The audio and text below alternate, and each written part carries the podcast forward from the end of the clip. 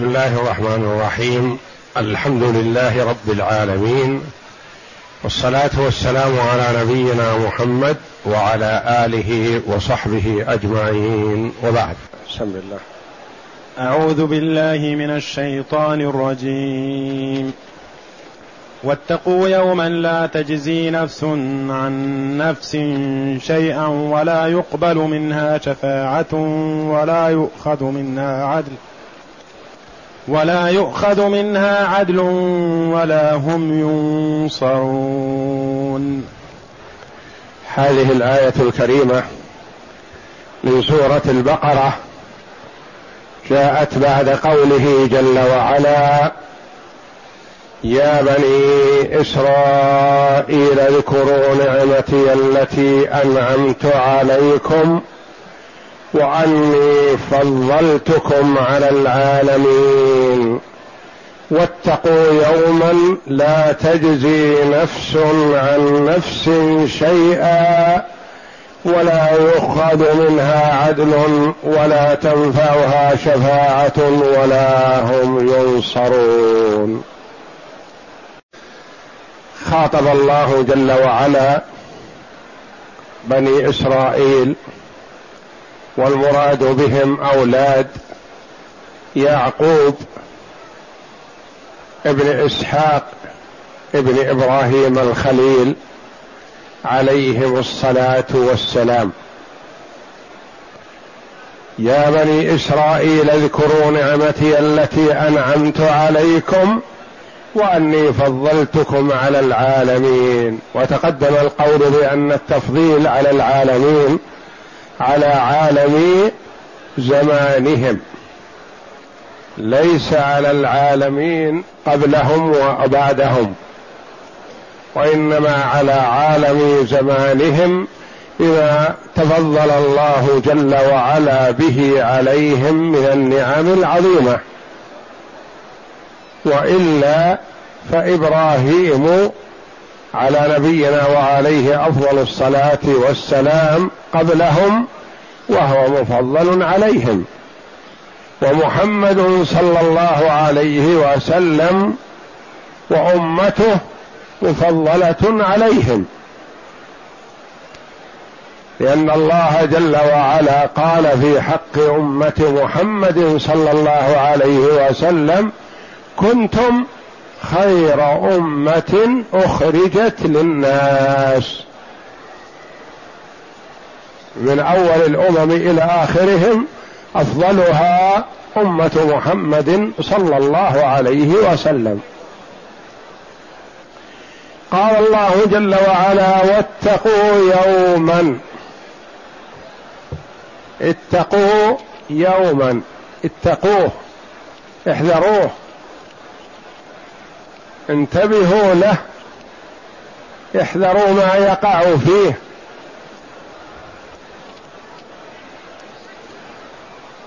أمر معناه الوعيد. يتوعدهم جل وعلا إن لم يؤمنوا بمحمد صلى الله عليه وسلم بهذا اليوم العظيم. والمراد به يوم القيامة. واتقوا يوما لا تجزي نفس عن نفس شيئا. وصف الله جل وعلا هذا اليوم بأربع صفات متوالية. واتقوا يوما الصفة الأولى لا تجزي نفس عن نفس شيئا. الصفة الثانية لا يقبل منها شفاعة. الصفة الثالثة ولا يؤخذ منها عدل. الصفة الرابعة ولا هم ينصرون. المتعلق يتعلق بواحدة من هذه الأمور الأربعة. نفاها الله جل وعلا. لا تجزي نفس عن نفس. ولا يقبل منها شفاعة. ولا يؤخذ منها عدل. ولا هم ينصرون. أربع. كلها منفية.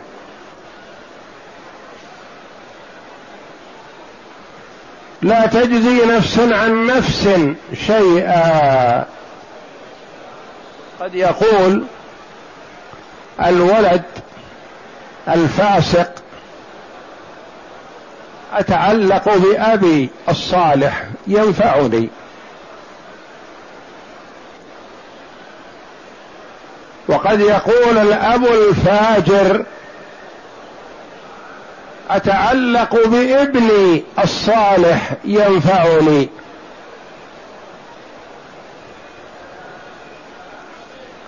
واتقوا يوما لا يجزي والد عن ولده ولا مولود هو جاز عن والده شيئا. هذا منفي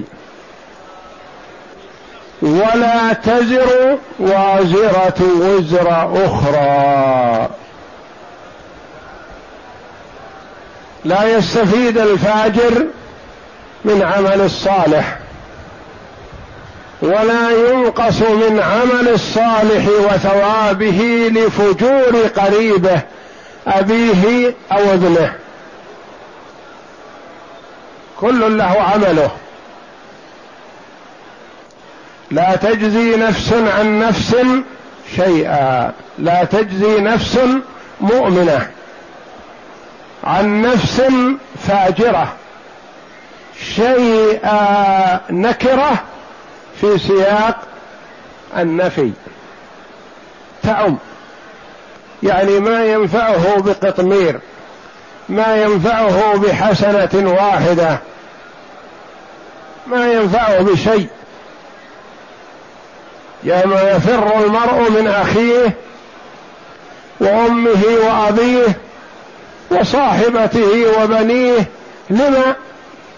لكل امرئ منهم يومئذ شأن يغنيه. كل واحد مشغول بنفسه. نفسي نفسي. الوالدة تطلب من ولدها يقول نفسي نفسي. الولد يطلب من والدته الحنون التي تفتيه بنفسها في الدنيا تقول لا أغني عنك من الله شيئا. أفضل الخلق محمد صلى الله عليه وسلم يقول يا فاطمة بنت محمد سليني من مالي ما شئت لا أغني عنك من الله شيئا. يا عباس بن عبد المطلب لا أغني عنك من الله شيئا. يا صفية عمة رسول الله صلى الله عليه وسلم لا أغني عنك من الله شيئا.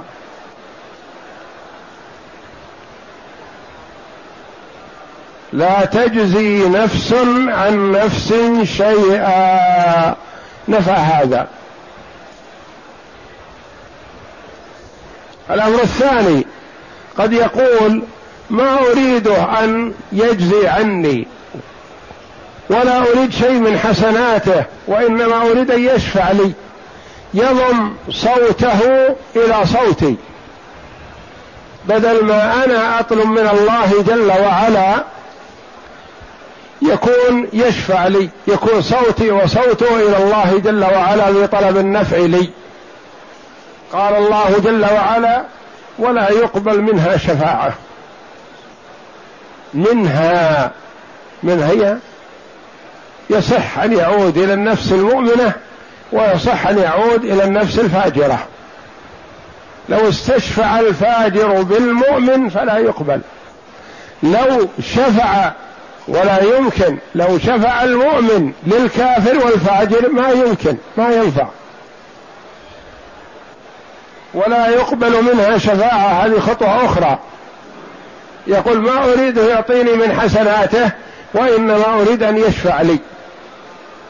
تأتي إلى أخيك في الدنيا تقول ما أريد شيء من مالك وإنما أريد أن تذهب معي إلى الأمير تذهب معي إلى الوالي تذهب معي إلى كذا تشفع لي عنده. أنا متوعد بكذا يذهب معك.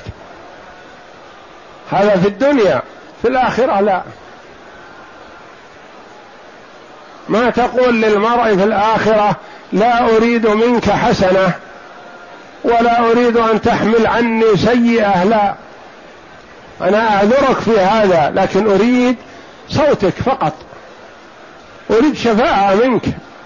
والشفاعة الشفع الاثنان. وسميت الشفاعة شفاعة لأن الشافع يضم صوته إلى مع صوت المشفوع له فيكون اثنان. أنت تطلب من المدير مثلا أمرا من الأمور أنت واحد. تأتي إلى آخر يعزه ويجله المدير وتقول ضم صوتك إلى صوتي اشفع لي. هذه الشفاعة. ضم صوتك لأني أنا إذا دخلت على المدير وطلبت منه هذا الأمر يمتنع. ما لي قيمة واعتبار عنده. لكن إذا دخلت معي صار صوتان وصوتك له ثقل. هذه الشفاعة. فالشافع يضم صوته إلى صوت المشفوع له فيكون اثنان. والشفعة مأخوذة من هذا. الشفعة الشريك يأخذ حصة شريكه يضيفها إلى ملكه. إذا كان شركاء اثنان في أرض لم تقسم. باع شريكك نصيبه على آخر. وأنت قد لا ترتاح لهذا الآخر. ولا تريد مشاركته. أو ترتاح له لكن تريد أن تضم الأرض كلها لك. تأخذها من المشتري بقيمتها بالشفعة. بأنك تضم ملك صاحبك إلى ملكك فيكون كلها لك. هذه الشفعة. ولا يقبل منها يعني من واحدة من الاثنتين. لأن عندنا نفسان. نفس مؤمنة ونفس كافرة. لا تجزي نفس عن نفس. النفس الأولى ما هي؟ نفس المؤمنة. النفس الثانية النفس الكافرة. لا يقبل منها الضمير في منها يعود إلى أحد النفسين. بعضهم قال يعود إلى النفس الأخيرة لأنها أقرب مذكور وهي المقصودة. وبعضهم قال يصلح أن يعود إلى النفس الأولى. لا يقبل من النفس المؤمنة الشفاعة للنفس الكافرة. ولا يقبل منها شفاعة. هل النفي الشفاعة مطلقا في الدار الآخرة؟ لا في تفصيل. قال الله جل وعلا ولا يشفعون إلا لمن ارتضى. وقال من ذا الذي يشفع عنده إلا بإذنه؟ وقال في حق الكفار فما تنفعهم شفاعة الشافعين. فدل على أن المؤمنين تنفعهم. إذا الشفاعة في الدار الآخرة نوعان شفاعتان. شفاعة منفية وشفاعة مثبتة. ما هي الشفاعة المنفية التي نفاها الله جل وعلا في القرآن؟ الشفاعة للكافر. ما تنفع. والشفاعة بدون إذن من الله ما تنفع. والشفاعة بدون رضا الله جل وعلا عن المشفوع له لا تنفع. ما هي الشفاعة الثابتة؟ هي ما اكتمل فيها شرطان. رضا الله جل وعلا عن المشفوع له وإذنه جل وعلا للشافع أن يشفع. وهذان الشرطان مأخوذان من قول الله تبارك وتعالى. من ذا الذي يشفع عنده إلا بإذنه؟ ما أحد يستطيع أن يشفع إلا بإذنه في الدار الآخرة بخلاف حال الدنيا. أنت تطرق الباب على الأمير والوالي وتدخل عليه في مكتبه وتشفع قبل الشفاعة ولم يقبلها. ما تستأذن منه تقول أريد أن أشفع لفلان هل أشفع أو لا. تشفع. إن نفعت وإلا فالأمر إلى الله. لكن الشفاعة في الدار الآخرة ما أحد يشفع حتى يستأذن من الله جل وعلا. من ذا الذي يشفع عنده إلا بإذنه. ومن الذي يؤذن له في الشفاعة؟ ما يؤذن في الشفاعة إلا لمن أراد أن يشفع لمن رضي الله عنه. قد يقول قائل من رضي الله عنه ليس بحاجة إلى الشفاعة. من رضي الله عنه ليس بحاجة إلى الشفاعة. نقول بلى هو في حاجة. لأن الله جل وعلا يرضى عن أهل التوحيد. يرضى عمن يعبده وحده لا شريك له. ثم هذا الذي يعبد الله وحده قد يسرق قد يزني قد يشرب الخمر قد يحصل منه عقوق لوالديه قد يحصل منه اختلاس مال. هذا تنفعه الشفاعة شفاعة محمد صلى الله عليه وسلم وشفاعة الأخيار من أمته. لأن النبي صلى الله عليه وسلم قال شفاعتي لمن؟ لأهل الكبائر من أمتي. أهل الكبائر من هم؟ هم الذي وقع منهم الذنوب العظام فرضا الله جل وعلا عن عن المشفوع له ليس معناه أنه كامل الرضا. لا. ما دام موحد فالله يرضى جل وعلا ويأذن للشفعاء أن يشفعوا له حتى وإن حصل منه معاصي. لأنه ما دام من أهل الإسلام فالله جل وعلا يرضى عنه. الرضا موجود لكن قد لا يكون لا, لا يحصل الرضا الكامل. الرضا الناس يتفاوتون فيه. فرضا الله جل وعلا عن محمد صلى الله عليه وسلم يختلف عن رضا الله عمن هو. يشهد أن لا إله إلا الله وأن محمد رسول الله ويصوم ويصلي ويأتي بأركان الإسلام لكن يقع في الكبائر. يقع في الكبائر يقول هذا يرضى الله عنه. خلاف حال المبتدعة من الخوارج والمعتزلة الذين يكفرون المسلم بالذنب. يقولون المسلم إذا وقع منه ذنب كفر الخوارج يكفرونه من أول وهلة. والمعتزلة يخرجونه من الإسلام ولا يدخلونه في الكفر. وإن مات فهو خالد مخلد في النار. ولذا ينكرون الشفاعة.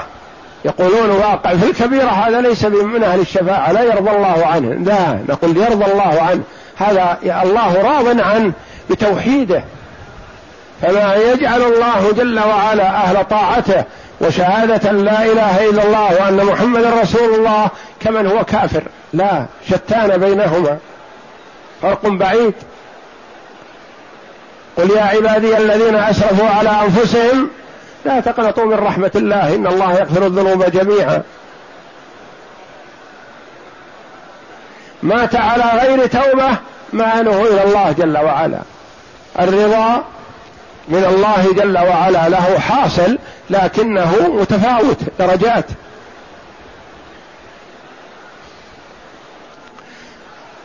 فالشفاعة المثبتة بشرطين مأخوذين من كتاب الله جل وعلا. هما رضا الله جل وعلا عن المشفوع له يعني بالإسلام. وإذنه جل وعلا للشافع. إذنه للشافع مأخوذ من قوله جل وعلا من ذا الذي يشفع عنده إلا بإذنه. ورضاه عن المشفوع قول مأخوذ من قوله جل وعلا ولا يشفعون إلا لمن ارتضى. والنبي صلى الله عليه وسلم له شفاعة وأنواعها متعددة ثمان أو سبع شفاعات. والأنبياء والرسل والملائكة والصلحاء والشهداء والأفراد يشفعون في حدود ما أعطاهم الله جل وعلا. أبلغهم في الشفاعة هو محمد صلى الله عليه وسلم أبلغ الخلق. فهو له الشفاعة العظمى المقام المحمود. الذي ما يستطيع أن يتقدم فيه أحد سواه. ثم تأتي الشفاعات الأخرى التي يشترك معه صلى الله عليه وسلم فيها من فضل الله جل وعلا من الرسل والأنبياء والملائكة والشهداء والصلحاء والأخيار من أمة محمد صلى الله عليه وسلم والافراد من هم الافراد الأولاد الصغار الذين ماتوا قبل الحلم قبل الاحتلال قبل البلوغ. هؤلاء يشفعون لأهلهم لكن لا يشفعون مباشرة وإنما بإذن الله جل وعلا ورضاه عن المشفوع له. ولذا من الدعاء أن تقول اللهم لا تحرمني شفاعة أفراطي. اللهم لا تحرمني شفاعة أنبيائك ورسلك وعبادك الصالحين. فالدعاء من عباد الله الصالحين لإخوانهم المسلمين من باب الشفاعة. هم يدعون الله إذا دعا المسلم قال رب اغفر لي ولوالدي ووالديهم وإخواني المسلمين هذا تضرع إلى الله وشفاعة من الله أنت تسأل الله جل وعلا أن لا يحرمك من هذا الداعي من دعاء هذا الداعي. لكن الكافر والعياذ بالله ما تنفع شفاعة الشافعين يستثنى من الكافر ما ورد في النص أن النبي صلى الله عليه وسلم يشفع لعمه أبي طالب لا بالخروج من النار لأنه مات على ملة عبد المطلب مات على الكفر. وإنما يشفع له بالتخفيف من عذابه. سئل صلى الله عليه وسلم هل نفعت عمك الذي كان يحميك ويحوطك برعايته؟ فقال نعم هو في ضحضاح من النار له شراكان من نار يغلي منهما دماغه. ولولا أنا لكان في قعر النار لأنه كافر. مات على الكفر والعياذ بالله. أما الكفار عموما فكما قال الله جل وعلا فما تنفعهم شفاعة الشافعين. ما يستفيدون ولا ينتفعون. ولا أحد يجرؤ أن يشفع لهم. ولا يقبل منها شفاعة.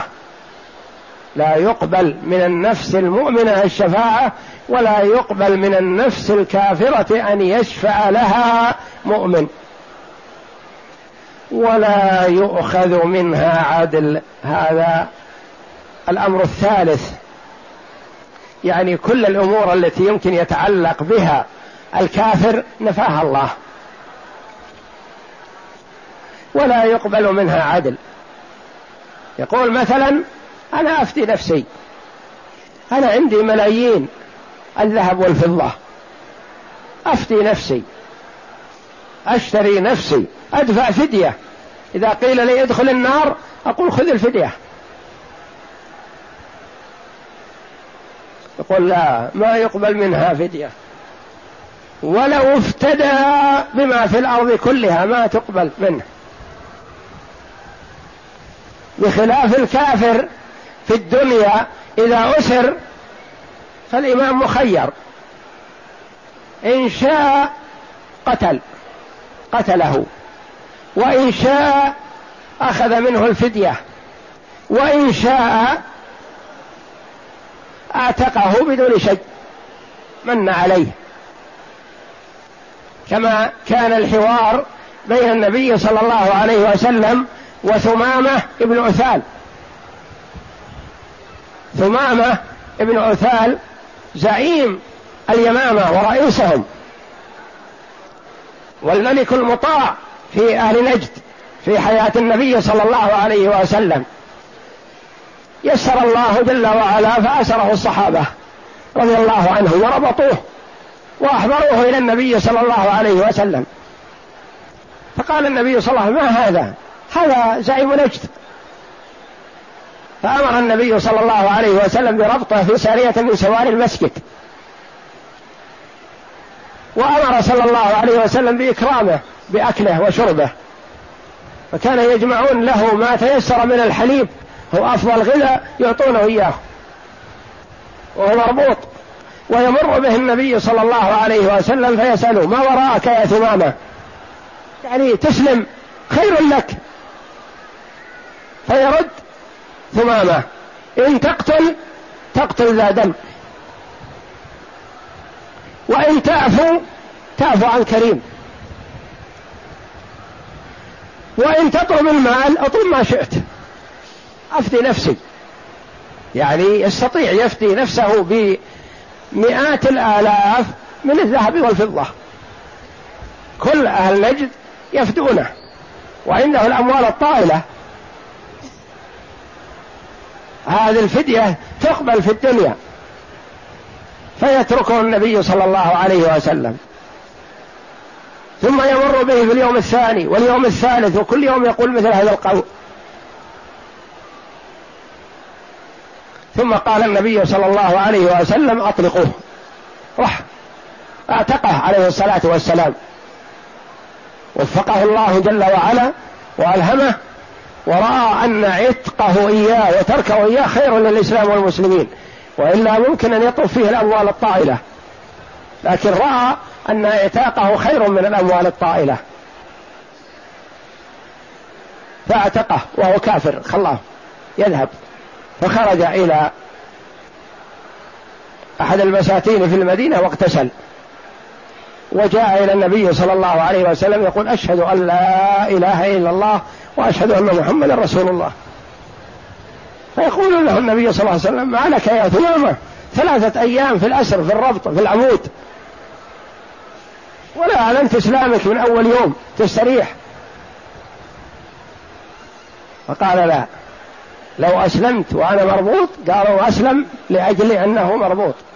وكان يحسن الظن بالنبي صلى الله عليه وسلم أنه لا يقتله. ولا يبالي في المال مهما طلب النبي من المال لكن كان كأنه محسن الظن بالنبي أنه لا يقتله. لا يمكن أسلم وأنا مربوط. حينما كنت طليق نعم. أسلمت. ومن أخباره العجيبة أنه كان يجمعون له لبن المدينة كله ويشربه. والنبي أوصاهم عليه بأن يشبعوه ملك. ما يجوعوه. وأفضل شيء عندهم اللبن. فيجمعون له لبن المدينة فيشربه فلما أسلم بعد شهادة لا إله إلا الله جاءوه بقليل من اللبن فشرب بعضه ورد بعضه. وقال شبعت. يكفي. فأخبروا النبي صلى الله عليه وسلم بحاله. قالوا كلنا نجمع له ما استطعنا من اللبن وكله يلهمه. ولما أسلم أعطيناه قليل من اللبن على أساس أن نمده نزيده. فشرب منه بعض ورد الباقي. قال شبعت. فقال النبي صلى الله عليه وسلم نعم الكافر يشرب بسبعة أمعاء والمؤمن بمعي واحد يعني المؤمن قنوع يشرب ويأكل شيء يسير كما قال عليه الصلاة والسلام بحسب آدم لقيمات يقل صلبه. فهذا على الفداء الفداء في الدنيا ممكن. فيدفع الفداء عن نفسه. كما أمر النبي صلى الله عليه وسلم العباس لما أسر يوم بدر قال افد نفسك وافدي ابن أخيك ابن أخيك عقيل ابن أبي طالب أسر الاثنان عم النبي صلى الله عليه وسلم وابن عمه عقيل بن أبي طالب اخو علي. فقال افد نفسك وافد ابن أخيك. قال ما عندي شيء. فقير يا رسول الله. وأراد من ابن أخيه أن يحنو عليه. فقير ما عندي شيء كيف أفدي نفسي وأفدي ابن أخي؟ قال افدي نفسك وأفدي ابن أخيك. لما خرجت مع الكفار؟ تقاتلنا. افد نفسك وابن أخيك. قال ما عندي شيء. قال افد نفسك من المال الذي سلمت لأم الفضل زوجته. المال الذي سلمت أم الفضل لما أردت الخروج قلت لها خذي هذا المال احفظيه. إن رجعت فهو أمانة عندك. وإن قتلت أو ذهبت فأنفقيه على نفسك وعلى أولادي. قال أشهد أن لا إله إلا الله. ما علم عن هذا أحد. والنبي صلى الله عليه وسلم جاءه الخبر من السماء إن الرجل قادر على أن يفتي نفسه ويفتي ابن أخيه. وزعم أنه خرج مع الكفار مكرها يوم بدر ولا ما كان له رغبة يقاتل النبي صلى الله عليه وسلم. فالفداء في الدنيا ممكن لكن في الدار الآخرة لا. ولا يؤخذ منها عدل من النفس الكافرة. مثلا قد يقول الكافر مثلا لأهله أعطوني نصف مالي. إذا مت اجعلوه ذهب وادفنوه معي في القبر. علشان إذا بعثت إن بعثت إلى يفتيم نفسي أدفع الذهب. ما يقبل منه الفداء ولو بملء الأرض. لو ملأ الأرض ذهب وهذا محال لكن لو على سبيل الفرض لو ملأ ما يقبل منه. ولا يؤخذ منها عدل فدية. ولا هم ينصرون. قد يقول الكافر ما أريد من قريبي أن ينفعني بشيء من الحسنات. ولا أريد من أحد أن يشفع لي عند ربي. ولا أفكر في أني أدفع الفداء لكن قومي كثير. قومي كثير يقاتلون دوني وينصرونني. نفى الله هذا جل وعلا. ولا هم ينصرون. لأن أحد الكفار لما توعده النبي صلى الله عليه وسلم قال تتوعدني. ولو شئت لملأت عليك هذا الوادي. خيلا جردا وشبابا مردا يقاتلونك. يعني عندي أنصار كثير. عندي من ينصرني. هذا يمكن يكون في الدنيا. قال جل وعلا في الدار الآخرة ولا هم ينصرون. وهذه المنفيات كلها متفاوتة. لا نفع ولا شفاعة. ولا فدى ولا نصر من حزب وأعوان وجنود وغيرهم. ما ينصرونه. ما ينصرونهم. لأن الدار الآخرة ما أحد يستطيع أن ينصر أحد أبد. خلافا لما يتوهمه الكفار. لما قال أحدهم إن محمد يتوعدنا بالنار. إن بعثنا. وهم يشكوا في البعث. لكن إن بعثنا يتوعدنا بالنار. وأخبرنا محمد بأن خزنة النار وملائكة النار تسعة عشر. أنا أكفيكم سبعة عشر من ملائكة النار. وأنتم يا كفار قريش ما تكفوني اثنين قالوا بلى نكفيك. إذا كفيتنا سبعة عشر قال أرجف عشرة بشقي الأيمن وسبعة بشقي الأيسر وأخرج من النار وتخرجون معي. بس عليكم أن تخلصونا من الاثنين الباقي. أنا أتكفل بسبعة عشر.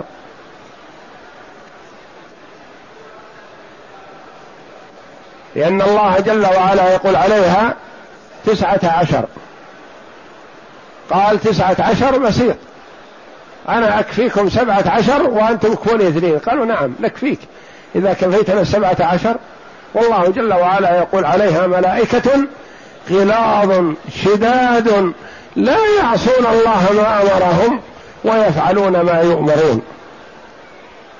يسوق الملك الواحد منهم الأمم العظيمة يزخها في النار هذا الشقي المسكين القاصر عقلا بكفره وإلا هو من ناحية أمور الدنيا عاقل. لكن الكفر ضلال والعياذ بالله. الكافر يعمى بصره وبصيرته والعياذ بالله. يقول يكفيهم سبعة عشر من ملائكة النار ويخرج منها. قال الله جل وعلا ولا هم ينصرون ما يستطيعون أن يطلب النصر من أحد أبدا. قد يكون المرء عنده اعوان وعنده حاشية وعنده أولاد وعنده جنود وعنده آه، ممتلكات عظيمة وخدم وعبيد مملوكون له يظن أنه ينصرونه. لا والله. ما ينصره أحد من عذاب الله أبدا.